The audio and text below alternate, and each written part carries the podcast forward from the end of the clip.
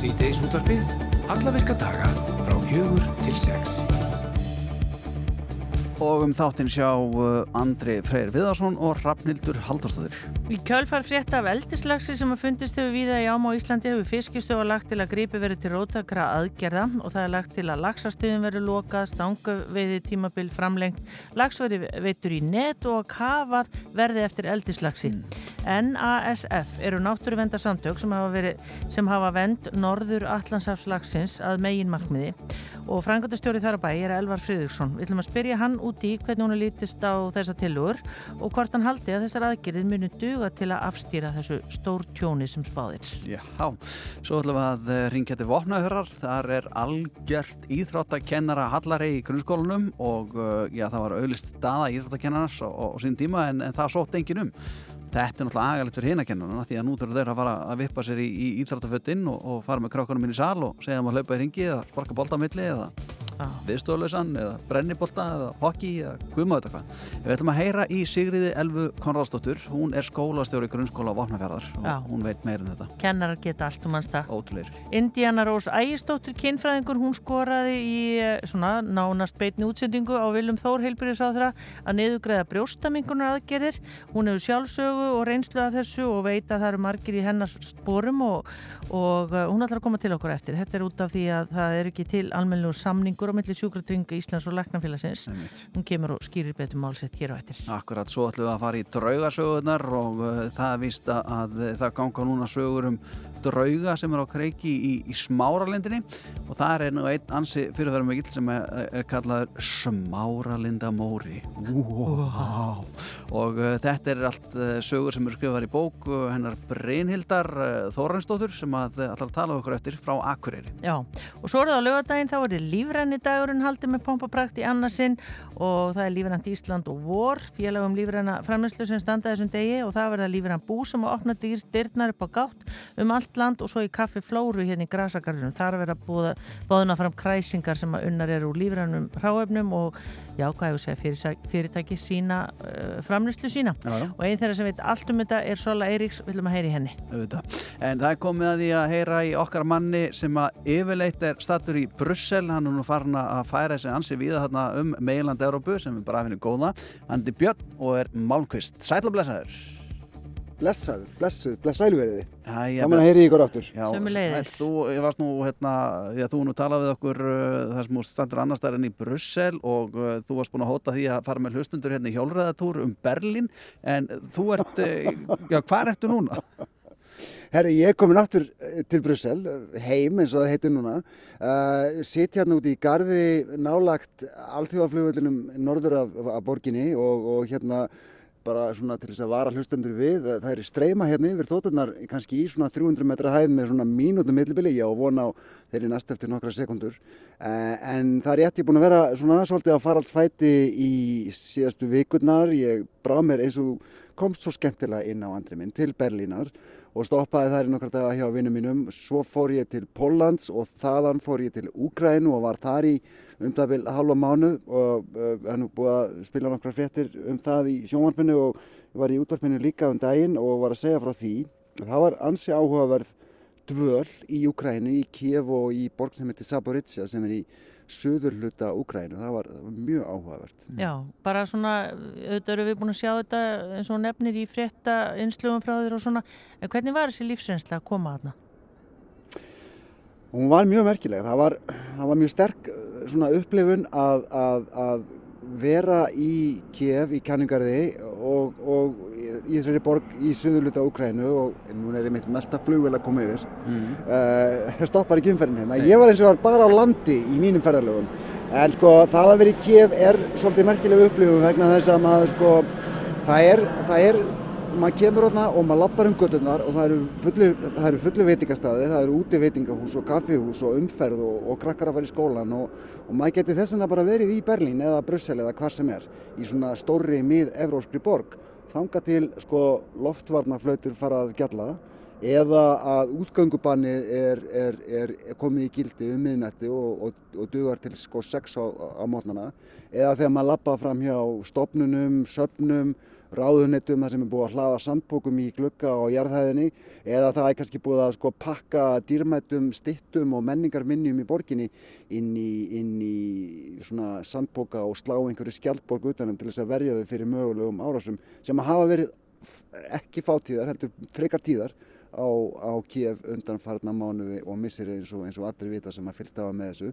Síðan í Saboritsa sem er bara 50-60 km frá víglínunum, það sem núna er verið að berjast, það sem að núna eru gagsóknar aðgerir úkrænumanna í gangi, þar er svolítið öðruvísi stemning, það er náttúrulega, það er verið að vara við árásum bara sko tísnum á dag og, og, og, og allt það og svona aðeins meiri spenna, rosalega mikið af flotta fólki frá hernumdum svæðum í Úkrænu sem að, sem að hafast við í Saboritsa, en það er líka sko, það er líka bara þú veist að maður stendur út á götu og það er bara lífið heldur áfram. Já. og maður einhvern veginn dáist að sko að, að því sem að mætti kannski heita sko aðlugunarhefni í mannskefnuna að einhvern veginn að normalísera svona ástand sem er sko allt annað en normal og maður kemur út á hótelunum sínu og, og, og bæði vei sko hótelun eru opinn, Airbnb íbúðunar eru opnar, greiðslukerfin virka, ég fór í sko hérna, peningamaskinu og náði mér í pening og, og allt það skilur, svo kemur út á hótelunum á mótnana og það er bara bæjastarsmenn mættir að klippa runna skiljiði.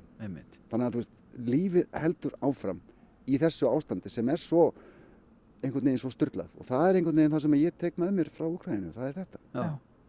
Björn, uh, þú varst að, uh, ég tala hérna um aðan að uh, þú er nýkomin, eða komin aftur frá Berlín, þú varst í Berlín og þar komstu nú ansi víða við og það á reyðhjóli.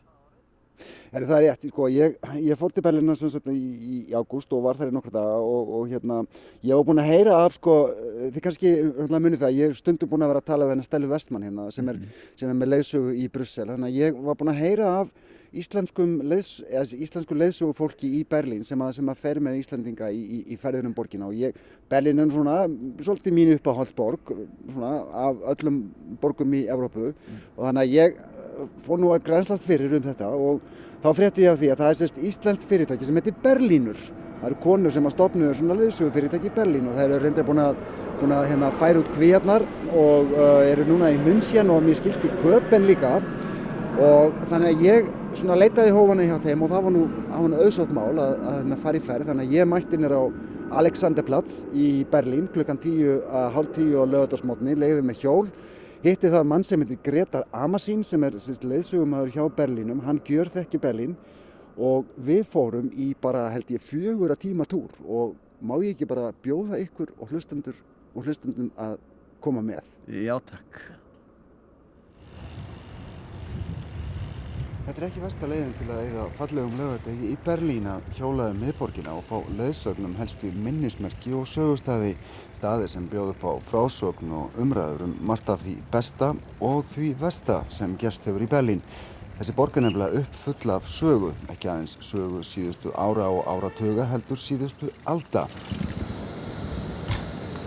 Við vorum um tíu saman, fróðlegsfúsir Íslandingar létt klætti í sól og steikjandi hita í miðborginni í ágúst með Gretar í farabróti. Hann þekkir Berlín út og inn og mér fannst fyrsti áfangastæðurinn hans vera eitt sá áhugaverðasti. Það eru tvö hús og auðlóð á hotninu á Linjenstrasse og Kleine Rosenthalerstrasse í borgarkverfinu sem heitir Mitte.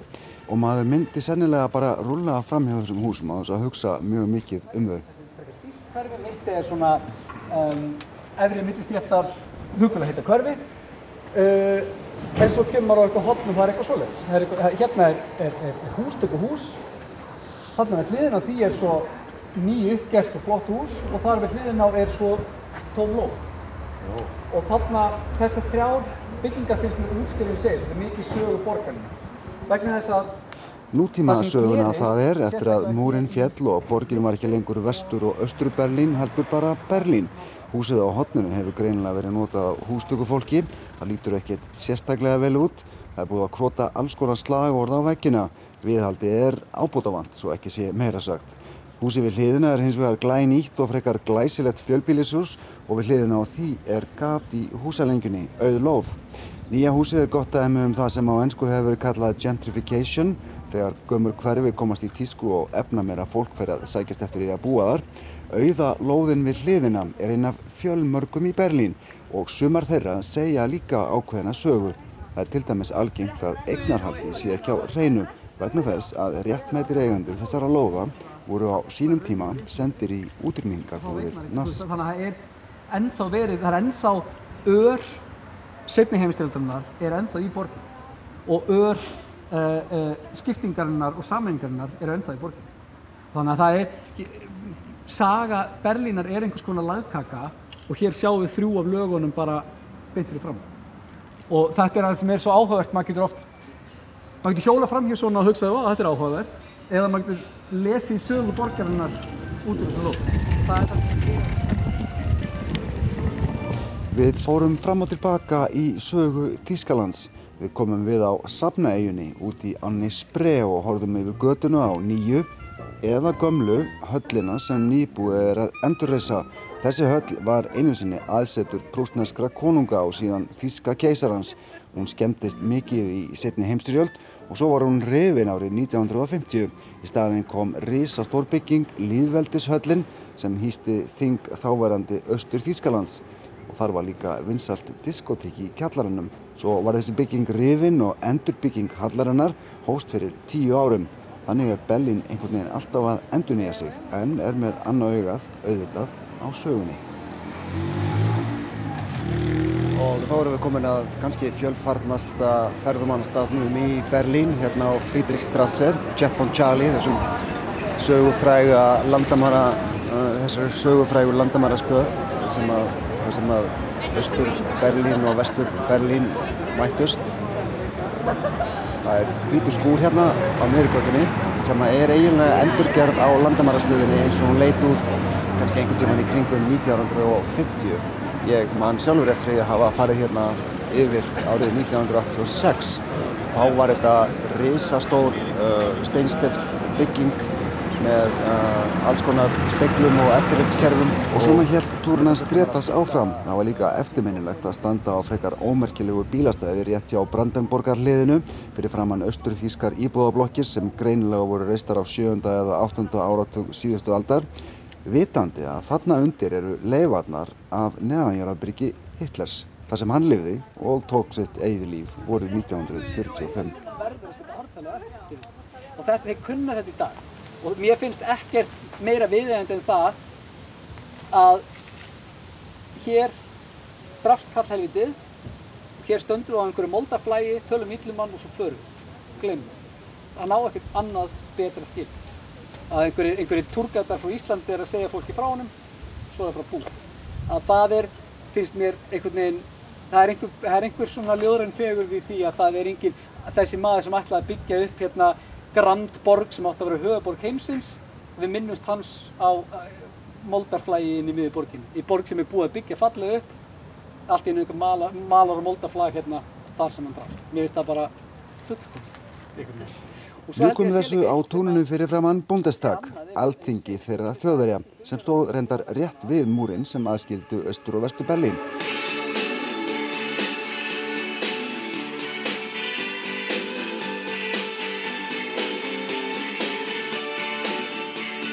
Árið 1987, tveimur árum áður en múrin fjall, voru haldir þarna stór tónleika með helstu stjörnum þess tíma.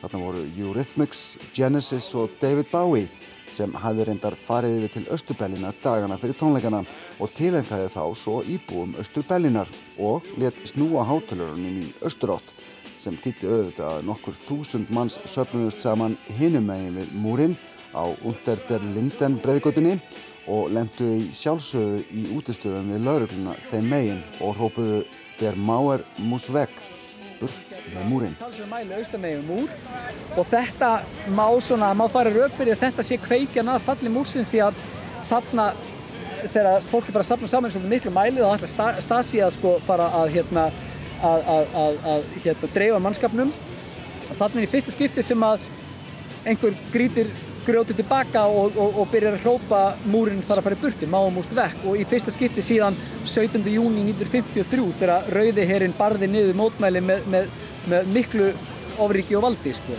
þannig að þetta er svona neist fyrir okkur pop áhuga menn að þá, þá, þá eignum við bái svolítið þennan hérna neista sem að já, sem að, sem að tendra þetta bár Are we gonna be heroes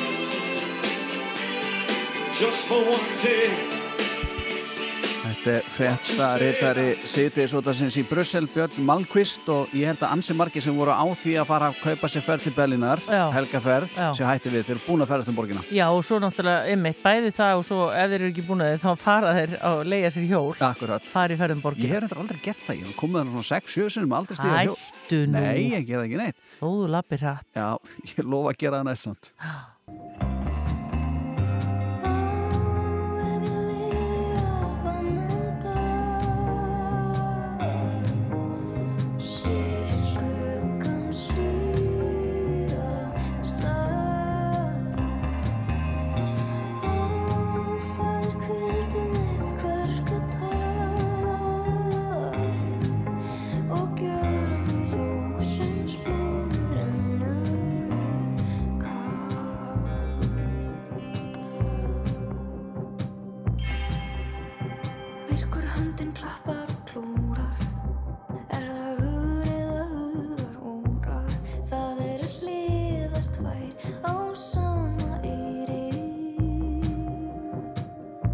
Svo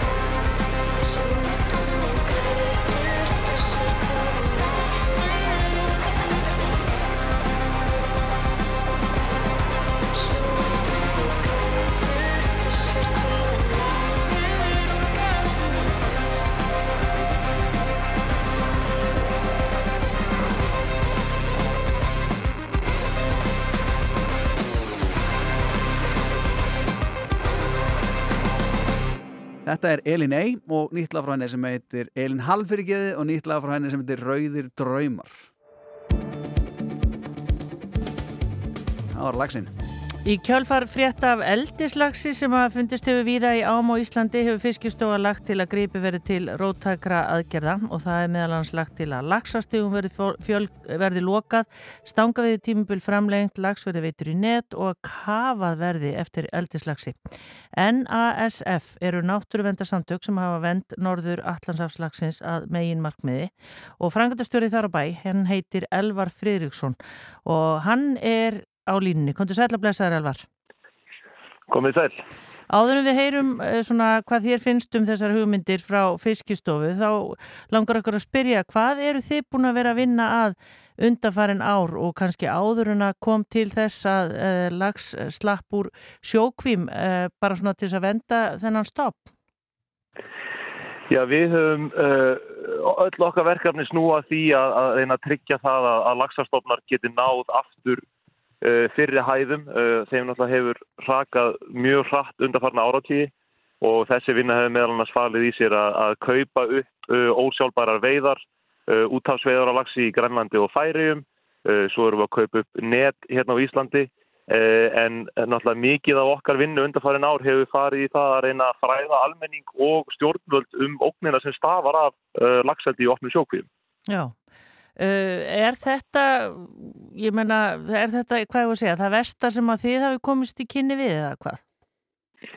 Já, því miður þá er bara alltaf raunggerast núna sem að, sem að hérna, við og, og fjölmarkir aðrir höfum varað við í öll þessi ár. Uh, Nú er, nú er frjór norskur, uh, frjór eldislags af norskum uppruna að, að búin að sleppa út úr kvíum og, og er að synda upp í íslenskar ár núna í, í bara tölur sem við höfum aldrei séð áður og, og það virðist, uh, það virðist bara risastór hluti af landinu vera undir og við erum fyrir að sjá þessa fiska í meir en eh, alltaf 400 km fjarlæð frá kvíunum. Já. Getur þú útskýrta fyrir okkur hvað er svona hættulegt við það að þessi blöndun verði? Já, og, og, og takk fyrir að spyrja, þetta, þetta er góð spurning. Það sem er hættulegt við það er það að Íslenski lagsastofnin, hann hefur aðlagast sínu náttúrulega umhverfi núna í, í, í þúsundur ára og svo er byrjað að stunda lagseldi í opnum sjókvíum og það er notast við kinnbættan norskan eldislags og hann er kinnbættur engangu til þess að stækka og fitna sem hlafast. Uh, en hann er ekki með jafn góða aðlögunarhæfuleika og viltilagsin og, og er ekki aðlagar að því að lifa af í viltum íslenskum ám. Uh, en samt sem áður þá er hann með sama eðli og viltilagsin, það er að, að synda upp í á og, og að fjölga sér. Og nú er það að gerast að þessi eldislagsar eru komnir upp í íslenskar ár og þeir munur signa með viltu lögsónum og þar að leiðandi blandast inn í þetta erðaefni þeirra sem er búin að vera í 10.000 ári í mótum. Og, og afkvæmi þessara fiska og svo afkvæmi þeirra fiska mun að hafa verri og verri eh, hérna, getu til þess að lifa af í náttúrunni og það er það sem að mun á endanum gera vilda lagsin útöðan ef við finnum út erðaefni svona. Mm -hmm. Hvað hérna, sko, þessar aðgerðir sem að fiskistóðu hefur lagt til að gripið verið til, sem að þykja ansið róttækar, hvað finnst þér um þær? Heldur að, að það, þær muni virka? Sko, ég held að allar þær aðgerðir sem hefur verið að fara í núna er plástur á risastórt hérna, opið blæðandi sár. Þetta eru neyðaraðgerðir og allar þessar aðgerðir einkennast einmitt af því að þetta er algjört neyðar ástand. Uh, ég held að, að því miður þá munu þessar aðgerðir aðeins ná hluta af þessum eldislöksum sem eru komnir upp í Íslandskar ár uh, og það sem að kannski verra er að, að það eru þetta fullt af ám það sem er mjög erfitt að fylgjast með þessu hversu mikið að lagsi uh, kemur upp. Við vitum að það er mjög mikið en hversu mikið vitum við ekki og, og, og við vitum ekki endanlega tölu og ég veit ekki hvort við munum einhvern tíman endanlega að vita það en við erum að sjá hins vegar bara uh, í, í ámeins og í blöndu þar, þar er sko búið að staðfesta meira en 30 lagsa sem hafa verið bara fangaðir í lagsastíðanum þar en flestar aðra ára á, á, á Íslandi eru ekki með stíga sem þú getur lokað og, og, og fangað á. Næ, einmitt. En ég menna, heldur þetta verði þá kannski til einskis eða er þess virði að pröfa þetta eða hva, hvernig metur það? Það, það er þess virði að pröfa þetta af því að neyðin er mikil. En mér finnst þetta lýsa ágætlega sko umhverfis ábyrð þessa yðnaðar og í rauninni sko stjórnvalda Ísland sem hafa, sem hafa leift þess að gerast að það er ekki fyrir en að það er allt saman komið í klessu sem að það á að fara í einhverju aðgerðir og ég er ekki að segja það séu til einskis að því auðvitað verður að reyna að gera það sem hægt er en, en vandamálið er að skadin er skeður. Já, Ma, sko manni, maður svona staldrar eins við að það verði kafað eftir eldislagsi, hvernig sérðu það einhvern veginn og Arctic Fish allar einhvern veginn að, að fjármagna það, sérðu það, er, heldur, er það hægt? Maður hugsa sko, er þetta ekki svo að leita tannstöngli bara í heisáttu? Og raskar það ekki rá íslenska lagsins og, og hans umhverju? Jú, það er alveg hár rétt og þetta er náttúrulega nú komið fram að þann tíma fram á höstið að nú fyrir lagsinu að huga signingu og, og, og það er náttúrulega í venjulegu árferði gert allt til þess að, að leifa honum að bara vera í fríði þegar það komið langt fram á höst til þess að, til þess að gera sitt. En, en hættan af þessari erðablöndun út af, hérna, af eldislagsinum er það mikil að, að staðan er með þessin svo að það þarf að fara í þessu aðgerðir og, og ég menna þetta er gert víða í Noregi og, og, og núna eins og þið nefnir Arctic Fish er að bjóðast til að borga brúsan. Ég meina að sjálfsögða á Arctic Fish að borga fyrir þessar aðgerið sem við verðum að fara í núna. En þessar aðgerið núna eru bara smá klóri í bakkan til þess að reyna að spórna eitthvað við þessu. En skadin er skeður. Hmm. Hvað, ég menna, hver verða svona, hvað ég voru að segja, næstu skref frá ykkar hendi, þeim sem hafi svona staði vörðum þennan eh, stopp? Já, okkar næstu skref er að við erum núna í sko alla daga í stöðum samskiptum við fólk út um allt land sem hefur miklar ágjörðas og eru reyna að leggja sitt að mörgum.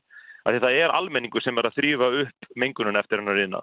Við erum að hjálpa þeim aðilum að fara sem best að og að reyna að ná sem flestum eldislöksum og senda þá sjálfsögðu alla í greiningu til Hárásvonarstofnar til þess að, hérna, þess að hætta staðfesta hvaðan þessi fiskar koma. Mm. Þannig að við, það sem við munum gera á næstunni er að, er að hérna, halda þeirri vinnu áfram og, og reyna að leggja okkar að mörgum þar. En á sama máti þá munum við halda uppi þeirri kröfu sem við höfum haft núna í langan tíma að það verður að stöðva þennan yðna á Íslandi áður en að verður og seint. Já, það er mitt það. Já, við spyrjum á leikslokkum og þetta er hansi eh, seint orðið inn í haustið og ég menna, hvað eru menn lengi til dæmis að veiða í lagsviðám á Íslandi? Mm, það er mismunandi eftir ám en, en, en flestar ár eru að klára núna þessa daga eða, eða eh, sumar út september. Eh, en það er eins og að búið að gefa heimil fyrir því núna að, að, að landegundur meiga aðhafast í sínum ám í svo náttúrulega þarf að ákveða í hvaða formi það er en þeir mega aðhafast í sínum ámnuna fram í nógumber og það eru þetta ekki það sem að neynir landegundur eða, eða veiðimenn eða bara hver sem er við því að, að, því að þá er náttúrulega komið fram á hreikningatíma lagsins og þetta er orðið ansi kritískur og viðkvæmur tími í ánum. Það er með það. Þakkaði kjallaði fyrir Elvar að setja okkur aðeins inn í þessi mál við bara vonum að þetta gangi allt betur heldur en þetta lítur út fyrir að muni gera en takk kjallaði fyrir spjallið Elvar. Takk fyrir sem leis. Já, leis.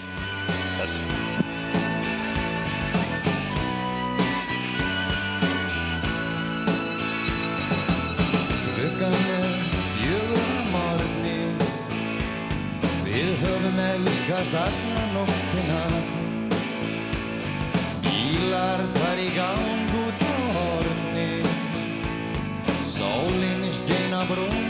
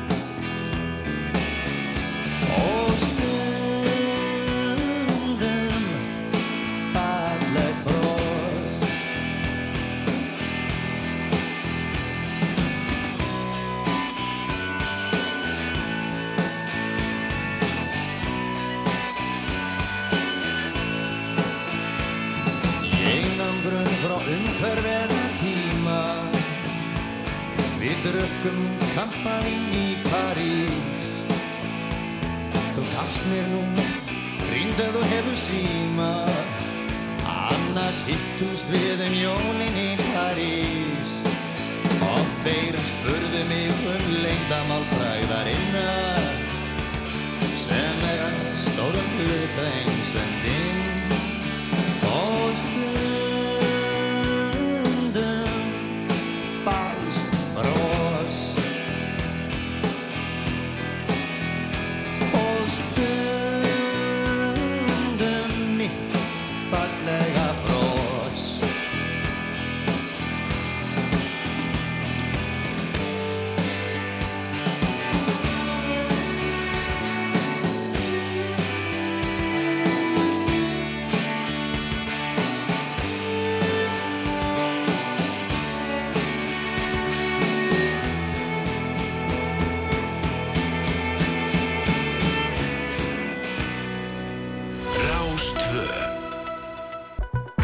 Rafði mín, eh, hvernig lítur þetta út hérna á landinu öllu?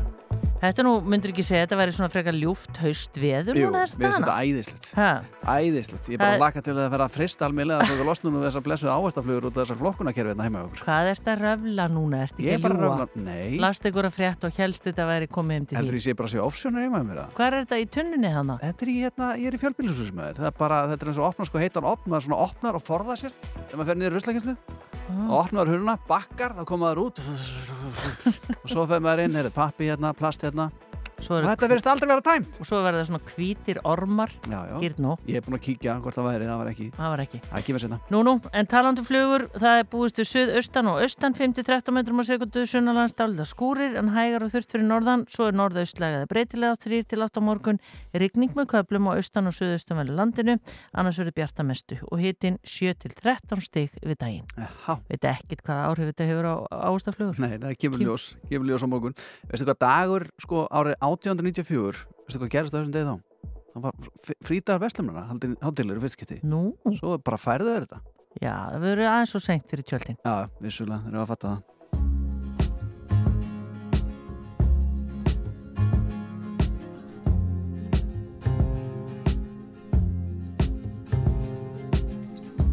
I'll be honest.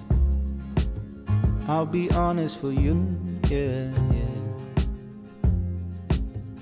And if we're talking, I'm gonna tell you the truth. Yeah. You and me made a lover of an enemy. Yeah.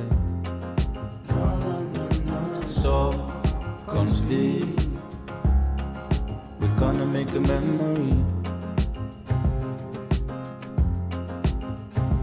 You've been on the west side, showing them your best side.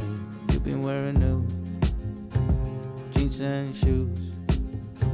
While I've been living less life, sleepless, get no rest nights, thinking about us and how I do. You and me made a lover of an enemy.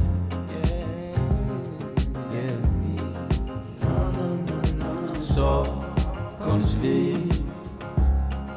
We're gonna make a memory. Okay. Do you remember when she lied to you? I do, Remember how she almost fooled me too? I do, You could do better, I mean honestly. I could. This is your city, it's your Stockholm speed. Light rain, is a veins, diamonds on my face? I don't wanna say I'm not okay. You say you wanna go, I wanna stay.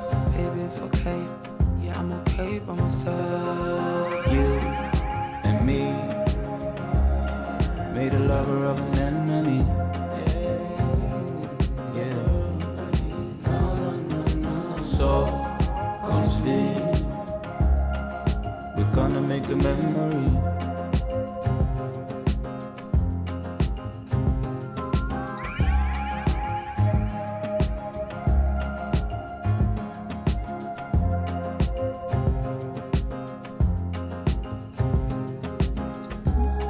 Hannes uh, ásand Water Baby Stockholmsy heitir þetta lag Það er svo skrítið þetta lag einhvern veginn límist á heilan á manni bara. þetta er algjört lím, algjört heilalím sko.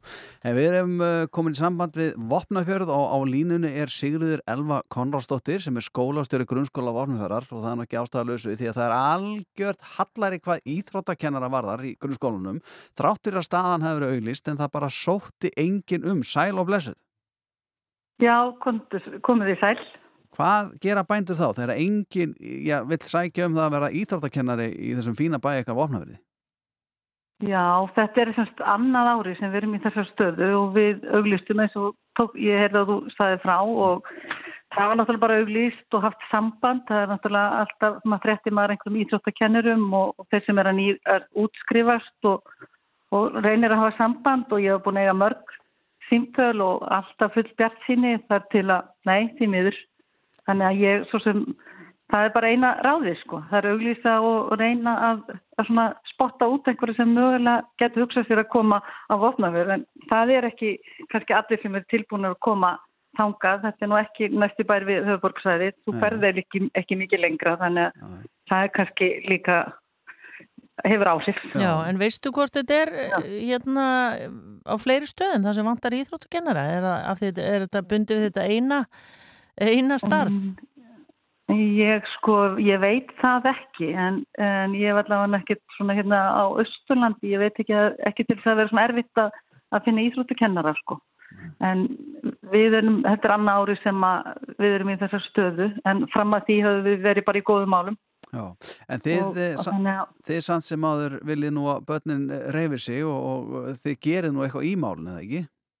Já, já, já, já, það er náttúrulega bara eins og þarf að gera. Það, við finnum bara fólki í það kennslu sem þarf að leysa og við erum með fullt að hæfu og góðu starfsfólki og, og fólk sem er hérna, ídróta fólk mm. og við erum með sagt, til dæmis eins og í, í fyrsta bekk þar er, erum við með kennarhjákur sem er leiðbeinandi, er danskennari og hún sá kennari kennir íþróttir í fyrsta bekk þannig að hún sannlega hæf og svo erum við bara með fólk á mið og úlingastíði sem er bara alveg sagt, tekur þesta kennslu að sér eins og hverja aðra kennslu og, og hérna, hérna það er ekkit öðru sig í litlum skóla þá bara þarf fólk svolítið að geta kent ímislegt og nánast allt sko. það, það er eiginlega bara pínlítið þannig og við erum eins og úlingastíði þá er, er, hérna, er við með mannesku sem kemur bara þrjá dagi í viku og er bara að kenna úlingunum og hún er að vinna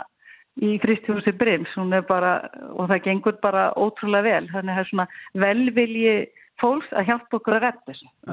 Það er, svo get ímynda okkur það er ekki allir tilbúin að fara að kenna ídróttir en við kennum ídróttir og það gengur ágætlega, en þetta er ekkit óska staða Nei. þetta viljum við hafa hérna, og þetta er svolítið tætingur. Þarf að, þarf að fara út í ídrótthús og þú ert að hlaupa fram og tilbaka.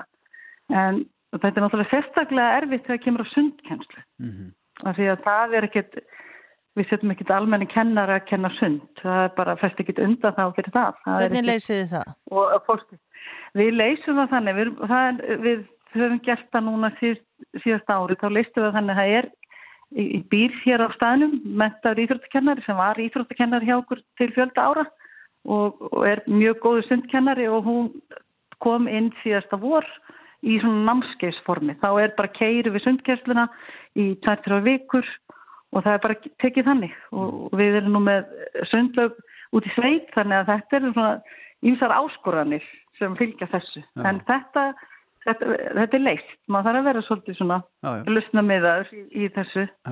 Hvað ef að steppi sport er bara heimahörsinu í Jokkingallanum og hann kann að kenna íþróttir og menta þessum íþróttakennar og er að hlusta og sem er ég er tilbúin að yfirgeða borgina bara núna hvena sem er. Og gæti hann bara haft samband og, og mætt bara á svæði og byrjaði að kenna bara í næstu hug Já, Nei, það er nú ekki þannig. Ég er náttúrulega búin að ganga frá ráðningum og, og hérna, samningum við fólkið, já, þannig að það er ekki, en næsta vetur, mm -hmm. þá bara, þá augljósið við aftur og, og við reynum náttúrulega alltaf að fá mentaða kennara og það verður bara augljósið aftur og þá mun ég reyna að segja alla þá góðu kosti sem votnaferður hefur og lítill og notalegu skóli, gott starfsfólk og og húsnæði hér er alveg klárlega mun, mun ódýrara heldur en á höfuborgsvæðinu og hægt að það er kannski geti hérna og ekki er, þarf fólk að býja skólaplási því að börn komast í raun og leikskóla eins ás og það er svona ýmsu kostir en auðvitað er fjarlægðin eh, kannski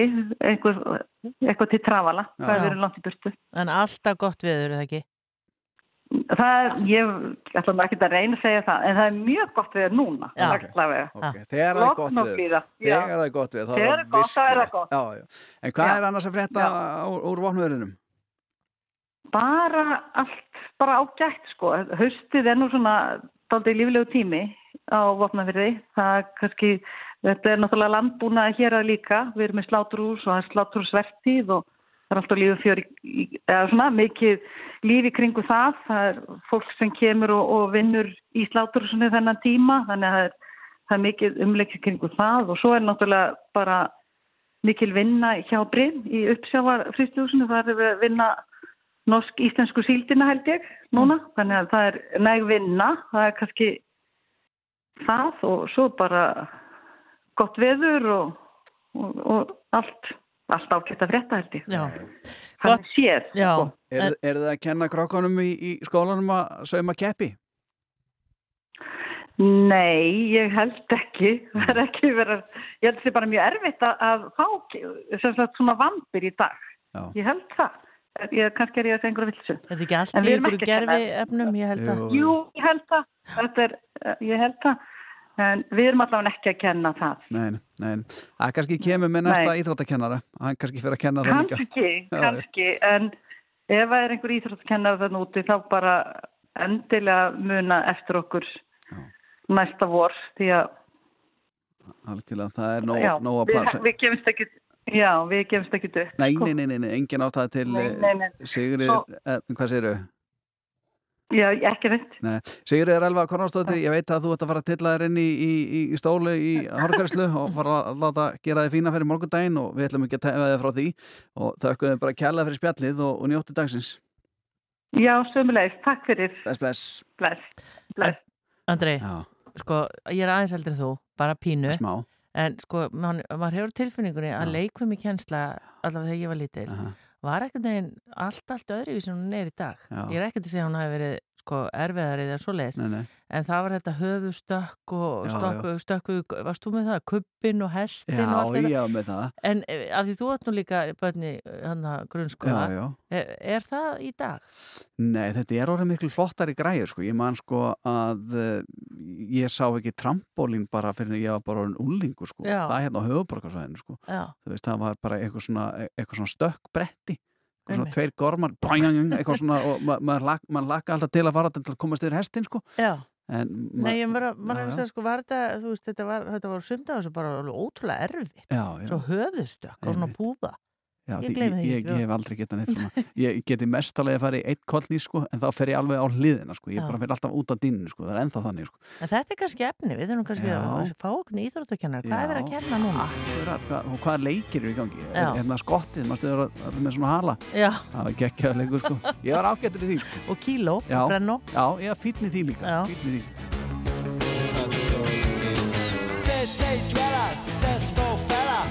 to himself, oops, I've got a lot of money. Caught in a rat race, terminally.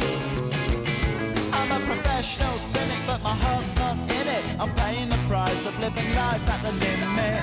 Caught up in the centuries, anxiety. Yes, it preys on him.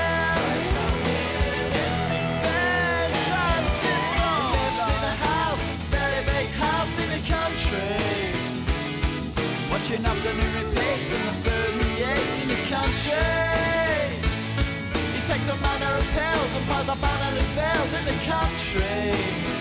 Oh, it's like an animal farm, that's a rural charm in the country. He's got morning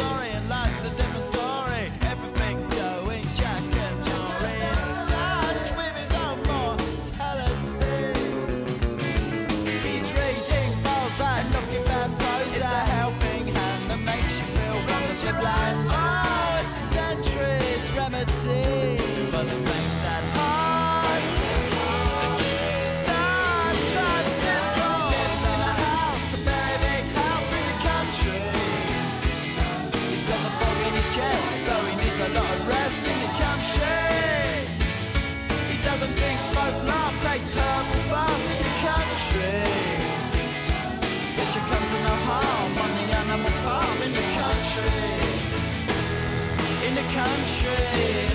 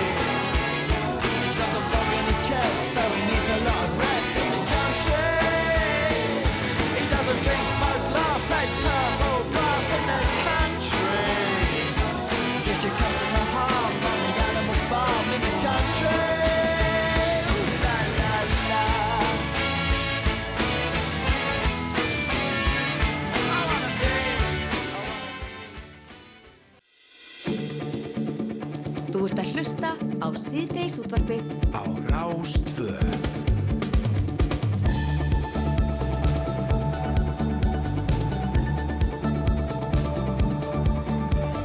Já, þá höldum við hér áfram okkar ferðalagi hérna og uh, já, það er, uh, við erum næst komið hana Indíðan Rósu Ægistóttir, kynfræðing á linni okkur, hún skoraði á Vilmi Þór, heilbyrðis á það, að niðurgreiða brjósta minkunar aðgerir og Indíðana, hún lendir sjálf í því að þurfa að greiða með eina miljón króna vegna þessara aðgerða og uh, það var sérstaklega vegna þess að uh, samningsteila á milli sjúkratrygginga Íslands og Læknafjörns Reykjavíkur hún var í hávegum þá Já. og hún er lína í okkur og ætlar að segja okkur nánar frá þessu. Sæla blessuð.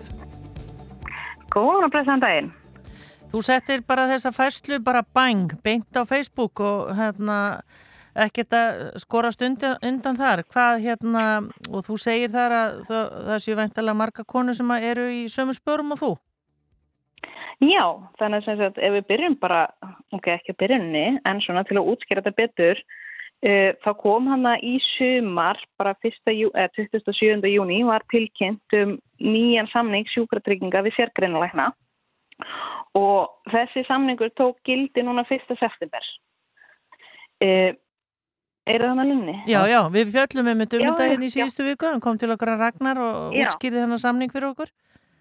Já, ok, þannig að þið kannski skilja hann, en svona fyrir aðra fólki sem er að hlusta, þá er kannski svona það helsta sem var e, í honum var að, þú veist, þetta var tóldi þegar þau voru samningslausir, þú fóst til hérna hálfsnef og ernalæknis og svo varstu rukkar um eitthvað svona komugjöld eða aukagjöld sem þú þurftur að borga sjálfur, fjögur þúsund gall segjum það og í þessum samning átti það alltaf þetta út.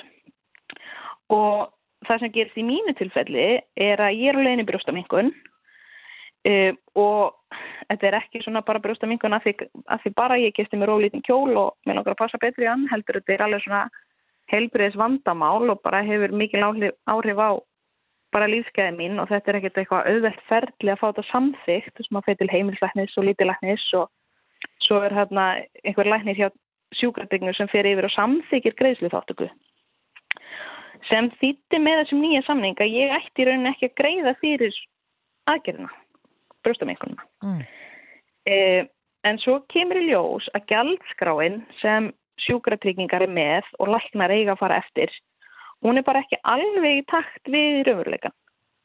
Þannig að til dæmis með brjóstamengun og já, vil sjúkratrygginga borga 100.000 fyrir aðgerðina og það á að kofvera, þessi 100 skall á að kofvera lítalæknin, á að kofvera svæð, svæðingalæknin og þú veist, ég held að séu að minnstakosti þrý hjúkurnafræðingar e, fyrir aðgerð sem tekur svona tvo tíma, gíska ég. Þannig ég held að sjá fyrst er það, það er ekki alveg raunhæft verð fyrir aðgerð sem kostar, þú veist, þegar maður borgar sjálfur, hún kostar 900.000 sem ég finnst ekkert, mér finnst það alveg meika sens, svo uppæð. Já. En að því að lítalæknar er ekki sáttur við þessa uppæð en hann 100 á skall og þau meiga ekki rukka meir en það. Þau meiga bara, eins og í mínu tilfelli, með samþetta greiðslutáttöku, þá meiga þau bara fá greitt frá sjúkratryggingum sem væri þá 100.000 og meiga ekki rukka mig til viðbútar. En að því að lítalæknar eru bara skiljanlega ekki sátti með þessa gjaldskara þá er enginn að skrá sig eða gera samning við sjúkratryggingar. Þannig að við lendum doldið á milli þessara deilina að því það er samstarfsnefnd sem var sett að fóta þessi samningur tók gildi eða þau, já, byrjuði sumar sem á að finna út úr öllum svona deilum, þú veist eins og þetta með gjaldskrána. Um, en að meðan þau eru að finna út úr því og það er ekki komin eitt svar eða þú veist niður niðurstaða þá enda ég að borga miljón já, fyrir aðgerð sem á að vera meira kostnaðalösu. Veist, já. Veistu, eru margar konur sem að þurfa að fara í svona aðgerð það árlega? Brjóstamengun, árlega. Ég bara, sko, ég hef ekki hugmynd um fjöldan Nei. uh, og ég veit, þú veist, segjum að ég vissi fjöldan, segjum að vera 500 konur ef að bara til að kasta einhver upp í lofti. Uh, þá er alls ekkit allir sem hérna er að fara í þetta vegna, eða þú veist, að því uppfyllir skilirinn til greiðslutáttöku. Já. Þannig það er held ég ennþá færri sem er unni sjúkratryggingar borga fyrir. Uh, hann, en ég bara hef ekki hugmynd um það. Maður er kannski að forðast um það. Hvað eru margir ári sem færi? En getur En þetta er alveg... Já, en getur þú sagt okkur svona bara hvaða áhrif hafði uh, þetta á líf þitt áður hún fórst í aðgerðina? Já, ég er ekki búin að fara í aðgerðina. Ég hérna, er að fara núna þriði daginn Já. eftir viku, eða tæpa viku. Uh, en hún getur smá ímyndaður eða vart með svona auka þrjú kíló framan á bringuna þér. Uh, þú veist, það er mjög erfitt að stunda reyfingu. Það er, þú veist, ég fer ekki út að skokka nema, þú veist, fá brjóstið í annað auga og fá glöður. Nei, ok, ég segi svona. En þetta er auðvitað bara mikil þingsli. Þannig að maður sefur illa, þetta hefur mjög mikil áhrif uh, þú veist, ég er alltaf endalust með bara svona þráláta vöðabólgu, ég fæ hausverki uh, ég hef ekki lendið en það er margir sem upplega þau fá þú veist, sveppasíkingar undir brjóstin. Þannig að ég er til dæmis veist, í vikulegri sjúkraþjálfun að reyna að vinna á svo þrálátu vöðabólgu um, já, þannig að þetta hefur alveg svona mikil heilsufarsleg áhrif á mann. Uh, og þess vegna var líka svo galið að forstjóri sjúkratrygginga Íslands, hann stakk upp á um daginn að konur sem eru á leiði þessi aðgerð myndi bara hingra með að fara í aðgerð. Já. Á meðan þau eru að finna út úr. Í staðan fyrir bara að þau tryggja það að konur fái endurgræslu þegar samningurinn kemur eða þegar hérna þessi lending kemur.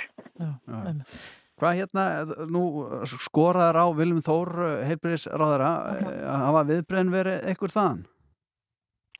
Já, ég átti samtal við aðstofamann ráðherra núna bara fyrir korteri og þau eru svona grafsa í þessu og reyna að finna út úr þessu og já, það er ekki alveg komin lending þar en það sem ég fannst út úr var svona sem já, þetta er kerfislega erfitt og við erum, en þú veist, hann lofaði mér að þær væri að skoða þetta uh, og væri að reyna að finna lendingu í þessu og ég held að það svona uh, já, þau eru svona já, þessi nefndi er hérna að skoða þetta en það tekur tíma en það er bara alls ekkert sem á að lenda á einstaklingum var ekki að lenda mér einhver nefnd að finna út úr því að ég þurfa að borga miljón fyrir aðgerð sem ég ætti ekki að borga fyrir Nei.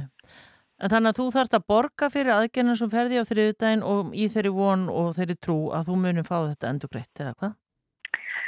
Um, já, þú veist, þetta, þessi aðgerð er bara það nöðsynlega fyrir mig að ég nettist bara til að taka yfirdrátt fyrir henni.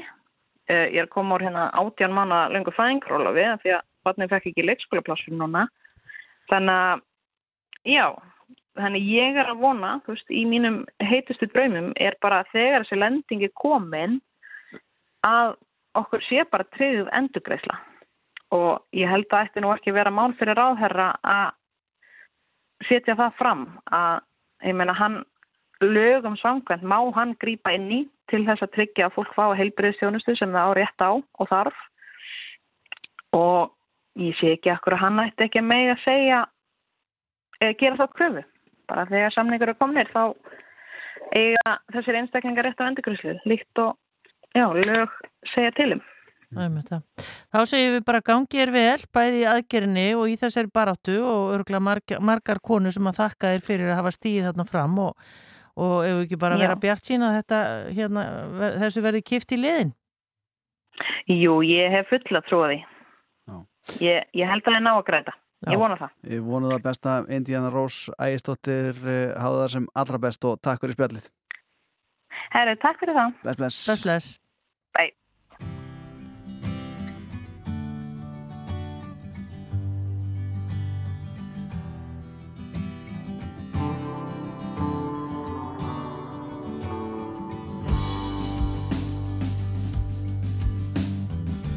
Baby blue, you have no clue. My dreams are still about you. Building castles in the sand with flowers wrapped around you. Yeah, but I still remember you. Maybe I should stop loving you. Or that could ever ring true. Going down that sweet avenue, seeing some shadows of you. Yeah, but do you miss me too? Take me back to the morning light, where our love shone so bright. Where the story brings me back to you, where I can still hold you. where I could make you. I still remember your crazy jacket, surrounded by polka dots too. Playing records, they were all dancing. Yeah, but they were all jealous of you. Yeah, but you were with me too. Take me back to the morning light. There our love shone so bright. Where the story brings me back to you. Where I can still hold you. Where I could even make love to you. But hold on, king and queens all the stars will fall on you. An old school man still shining their shoes, cause they got work to do. Oh, yeah, but so do you.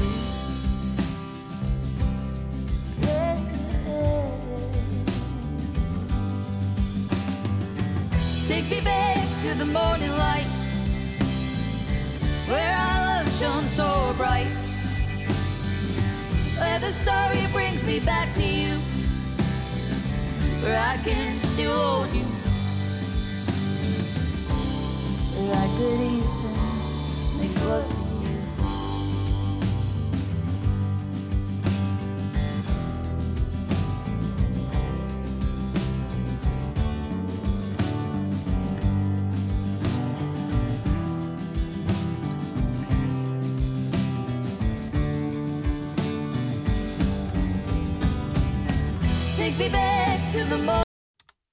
Þú búin að heyra um draugagang í Smárlind? Nei, ég hef aldrei heyrt það fyrir að ég, hérna, þú kvíslaði að mig að vera komin út bók um draugagangin í Smáralind. Akkurat. Ha, Þetta er magnað og... eh, er það ekki eitthvað sem er... Nei, en, en ég veit að uh, þegar að krakkar og úlingar eru búin að lesa þessi bók þá fara eflust sögurnar á flakk sko og hver veit nema þessi, þessi bötun er eldri þá verður þetta bara orðnað svona draugasögur sem við þekkjum í dag sko. Já, hún heitir Smára Lindar Móra og Móri og höfundur hennar heitir Brynhildur Þóraristóttir og hún, við erum svo heppin og hún er á linni, hvað er sælublessuð? Komið sæl og blessu. Eh, Þetta er sem sagt um draugagang í Smáralindinni, bæði á meðan á byggingunni stóð Já. og Já, eftir. það, í rauninni, já, sagan hefst þarna ári áður en Smáralind er opnuð og, og svo rekur hún sig svona ár eftir ár fram í samtíman. Sko smáralind er staður sem að eh, úlingum þykir gaman að heimsækja og börnum líka. Er þetta eitthvað svona eh, gert í þenn tilgjengi að fæla börnin frá og, og þannig að það sé ekki allir í þessari kaupíkju þarna á Íslandi? Góð spurning. Nei, veistu það síður en svo ve- vegna þess sko þessar sögur um draugagangi í smáralind eru auðvitað e, þekktar. Það, það vita allir sko, sérstaklega unglingar að það er reynd í smáralindinni og, og hérna við sem erum eldri við kannski sjáum ekki eða verðum ekki eins vör við draugana, ég veit ekki hvort þið hafi orðið vör við á eitthvað en ég hef oft heyrt af því að það sé reynd í, í smáralind og sérstaklega í þessum stöðum sem að unglingar koma svolítið saman eins og, eins og bíóinu og og hérna það var, það var virkilega reymt í tífólíun á sínu tíma og ég er bara ekki þessar sögur sem að, að ég, ég veit að margir kannast við. Já, þannig að þetta er byggt á, á sönnum sögum. Já, ég vil, vil nú ekki segja of mikið en, en maður myndi aldrei þóra að segja eitthvað eða skrifa um draugaganga þess að það væri einhver fótur fyrir því. Já, já. En hvernig er það þegar maður skrifar svona sögu fyrir uh, yngra fólk og, og draugasögur að því að það er nú svona, já, hræðslu þröskuldurinn er mishár eftir aldri. Aha. Eh, Ertu þá að skrifa eitthvað sem að þú sjálf verður hrætt við eða hugsaður með þér að ég er ekki alveg nú hrætt, þetta sleppur eða hvernig, hver, Já, hvernig sko. mælur þetta?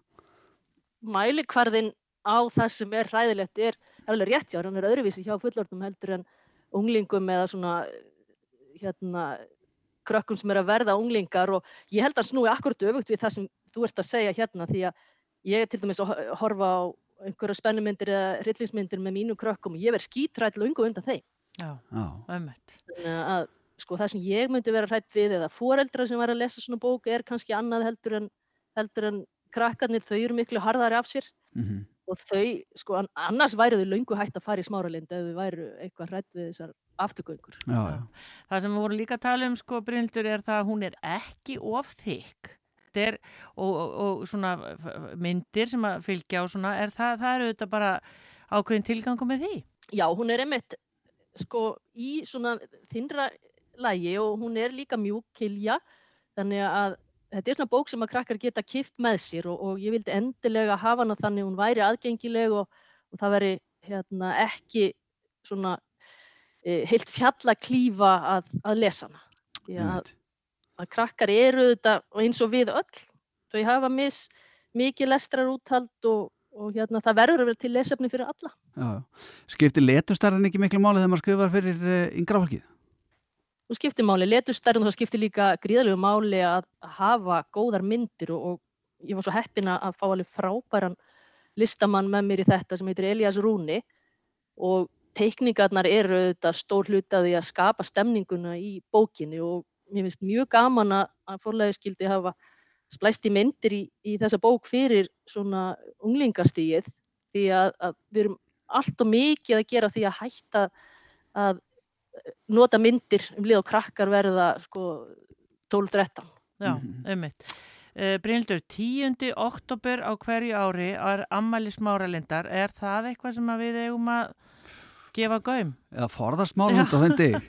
Já, sko það fyrir eftir í hvað þið eruð áhættu sækin. Ég veit að unglingar sko sem hafa gaman á spennu og, og hérna gaman er að láta hræða sig svo litið ættu þetta að fara í smálurinn 10. oktober því að ég rekta nú alveg í þessari bók sko, hvernig e, þessi draugagangur svona e, á rætur rekja til 10. oktober og, og, og 10. oktober þegar að smáralind er opnu þá gerist svona ímislegt og 10. oktober á hverju ári þá auðvitað eh, verðum við meira vör við drauguna við sem að, að sjáum þá því að það er kannski ágætt að taka fram að, að hérna, þetta eru afturgöngur því að eins og drauga sérfræðingar vita þá eru draugar sko annarkost afturgöngur eða uppvakningar og við þekkjum auðvitað uppvakningarna sem svona zombíur sem ráfa um og, og eru óttalega heila lausar en, en afturgöngur ganga hérna aftur svona af eigin kvötum af því að þeir eiga einhverju ólokið í lifandi lífi. Já, Þannig að þetta eru þær eða svo gerð af, af draugum sem við svona hugsalega getum orðið vör við þarna á afmæli smáralindar og eins á þessum stöðum svona sem að Já. unglingar sækja helst því að, þetta eru uh, hérna, þetta eru ungir einstaklingar sem eiga þarna í hlut já. menn festast í sínu á sínu aldur skeiði Já, þegar stiga yfir. Hva, sko, nú talað þú við okkur frá Akureyri og, og þú býrð þar og maður veldi fyrir sér eh, verður framaldið Glerártorgs garún eða eitthvað Hva, Það er aldrei að vita, sko, Nei. það eru þetta reynd víðar heldur en í smáralind í, í nútímanum. Við erum voða mikið föst í þessum, hérna, að vera að hugsa um drauga sem eitthvað þjóðsagna efni, sko, að sé eitthvað, hérna, helliseiðamóri og svo leiðis, en auðvitað eru þeir til víða og, og, og hérna, sérstaklega í þessum stóru byggingum, eins og þau segir, sko, glerár er, er um, sko, glerártorg, Mhm. ég, ég veit alveg að reynd þar líka, Já, allir akureyringar vitu auðvitað mesti draugagangurinn er í Davishúsi hérna. Það er alveg já. En, en Gleratorg, uh, Kringlan, ég fyrst líka af draugagangi þar. Þetta verður seri það verður bara pantað jólakjáðanir eru pantaðar heim í, í þetta skipti það er bara kristaltælis algjörlega. Reyndu til hamingju með smáralinda Móra og bara takk fyrir spjalli, er ekki annars allt gott fyrir norðan? Jú, alveg ljómandi, bara brakandi blíða eins og alltaf. Já, við hefum heyrt þetta áður eh, takk kjærlega fyrir spjallið og við lögum til að sjá framaldið Takk fyrir mig. Já, bless bless Bless, bless. Já, hérna er, hvort myndur við vilja lenda í uppvakning eða afturgöngu? Uppvakningi eða afturgöngu mm, Þessi er erfið, ég veit Ég held að afturgöngar er, er hún ekki svona hvítur laki Já, hún er svo eins og var að lýsa, þetta er svona aðeins klárari sko. Já, en uppvakningun er algjör vilsingur þú getur ég held stung, ég- stungið hann af sko. Er það? hann ljótari, sant? Já. en þú er hrættari við hann að sjá hann en afturgangan kannski verður svona meira bara eins og velni mannskja svo fattar það bara, nei, ans, Já. þetta, þetta er draugur. En uppvakningun er bara vitlýsingur sko. Hann er vitlisins, já, já hann veit ekkert hvað gerir þú fyrir liftuna sko, Ég veit er hvora hann samt vilja hitta. Já, í sammála. Já, Rafnildur, það er eh, um að gera fyrir fólk að fara að undirbúa sig fyrir helgina. Já, varst þú ekki búin að setja þetta í dagatalið að á lögadaginn þá voru hérna dagur sem að, eh, já, ég var að segja bara öllu lífrænu verður gefið uh, byrjundi báða vangi og orðað þannig. Já, við getum orðað þannig, jú, að sjálfsögur er búin að setja dagatalið, þú þekki mig. Já, það á að segja þetta að vera með svona uppákomu á kaffi Flóru í Grasagarðinum og uh, það eru sérst lífrænur bæir sem ætla að opna bíli sín og þetta eru uh, Akur, Organic, Flaga, Þórsöp, Móðurjörð, Vallanes á Eilstöðum og ímislegt fleira. Og svo sem að ætlar aðeins að fræða okkur betur um þetta er hún Sola, uh, Sola Eiríks og hún er á línni, er sælblessuð? Hæ. Það eru þetta ekkit að því spurt þegar að kemur að hérna, lífrænt rektuðu þá ert þú nefnd til sögunar. Já, já. Þetta, sko, mér finnst þetta bara að vera svo frábært. Við í fyrra, þá vorum við, hérna, þetta er nú spröyturnar á bakvið þetta, er hún Anna-Maria Björnstóttir kvikmundagera kona, Jóhanna Viljáms, vinkon okkar, og Tumi Bjarti Valdimarsson, hérna kvikmundagera maður. Og þau tóku sér til og stopnuðu ákveði að halda lífræna daginn í fyrra sem að tókst svona ljómandi vel vegna þess að við erum á Íslandi engungu með 30 lífræn bíli út af 3000. 30 af 3 3000? Já. Það er nefnilega það. Eh, hvernig, sko, Sola, ef allir ætla að taka þátt í þessum degi, þá er þetta svolítið erfitt fyrir þessi örfáu bílið, ekki? Sko, það er náttúrulega uh, þessi bílið sem að, hún, sem að Hrafnildur var að, að, nefna, það, þetta eru bílið sem að hafa opið fyrir ykkur og gert og gangandi að koma í heimsókn og skoða og sjá og spjalla og fræðast og svo í flóru að þá verður alls konar skiljið, þar verða bændur og, og lífranni neytendur og áhuga sami sem að geta fræðist. En jú, vissulega ef við ætlum öll að fara á þessi fjögur bíli þá er þið langa raðir. Þannig að ég held nefnilega, sko, mér finnst aðalmáli vera að til dæmis ef við lítum yfir til Danmörkur, þar er ótrúlega hátt prósent, ég held reyndar eitt að hæsta í heiminum af hérna lífrænum bændum versus hinn hefðbundni af því að þeir tóku sig til á sínum tíma og þeir settu bara fram stefnu með að, að, líf, að gera landi lífrænt og við höfum alltaf, okkur finnst alltaf hérna því við búum á Íslandi og það er svo gott við, veist, það er svo reynt loft og, og reynt vatn að þá séum við næstu því lífrænt. Það er bara ekki þannig og þessi miskilningur kom einhver tíman meðal einhverja politikusa og það hefur verið svolítið erfitt að leiðrétta það því við eigum alveg að geta ræktað miklu meira lífrænt. Já, en hvað er það helst, Sola, sem að stendur þar í vegi á Íslandi? Ég held bara að það sé bara svona fræðsla og fólk fatti í raun og veru af hverju eigum við að vera að borða lífrænt, skiljið. Ég held að það sé það. Af því að nú til dæmis þegar ég var í samstarfi með, með högum og var með lífrænu línuna mína, hún, þá gerðum við hnetusmjörið lífræna. Það var sölu hæsta hnetusmjör á landinu. Af því að þá náðum við að halda líka verðinu svona svipuðu og á henni hefbundna því þetta er náttúrulega alltaf spurningi í frambúðu eftirspurn og að við neytandi tökum svolítið kipp og bara fræ, lesum það sem við getum eða uppfræðist mætum til dæmis í flóru og hlustum á fólk vera að opna sig. Þannig að við áttum okkur á af hverju ættum eiginlega vera að gera þetta mm -hmm. Já, það er nú oft hann að svona neikvæði rattinnar eru já, háværi en það er jákvæðu og maður heyri mjög oft til að tala um lífrænt og segja einhverjir, veitu hvað og ég var að borga meira fyrir minna, þetta er allt miklu minni áherstir og dýrari. Hvað viltu segja við, við þetta fólk? Ég veistu, þess, þessu fólki hlakka ég svo til að heyri vegna þess að eins og með gullrætur ef þú ert með það lífrænar seg, tökum bara dæmi segjum að það kosti 700 krónir kíló að lífrænu gullrætum, ég bara að taka dæmi mm -hmm. uh, ég þvæ þær ég skóla þær og þvæ og þegar ég er búin að þvó þær að þá standa eftir hérna 1 kíló uh, ólífrænar sem að ég vil kannski ekki alveg gefa börnunum mínum að því ég vil kannski aðfýða þær af því að hýðið er alls konar og ég vil svona aðeins fjarlæga það sem að eiturefni sem að voru hérna sett í spröytu með og allt það, að þá kannski kemur út að þetta lífræna, það lífræna gullrótin er ódýrari. Já, Vi, við hugsaum þetta ekki alltaf alla leið. Það er eitrið og aukaefnin. Eitrið og aukaefnin.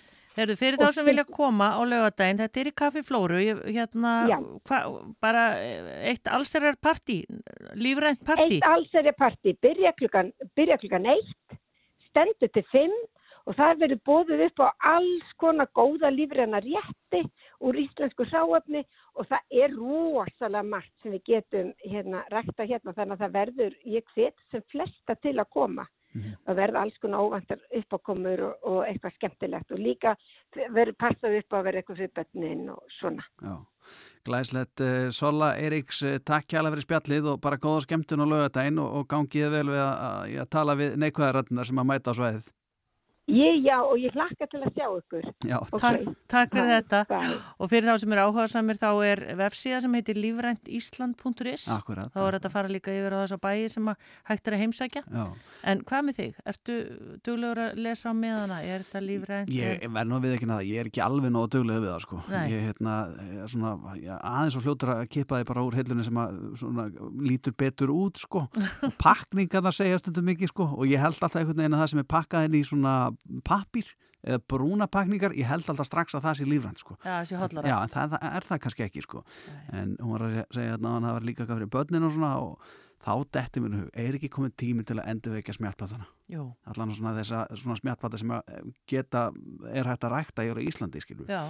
Laukinn og gulrótinn og tómatinn og karteblun og svona, mm -hmm. væri nú ekki gaman að fá það áttur. Jú, ha. virkilega. Varstu til læginu? Já, smjartpatar, þeir búa hér. Gekkja, já, já, akkurat svona.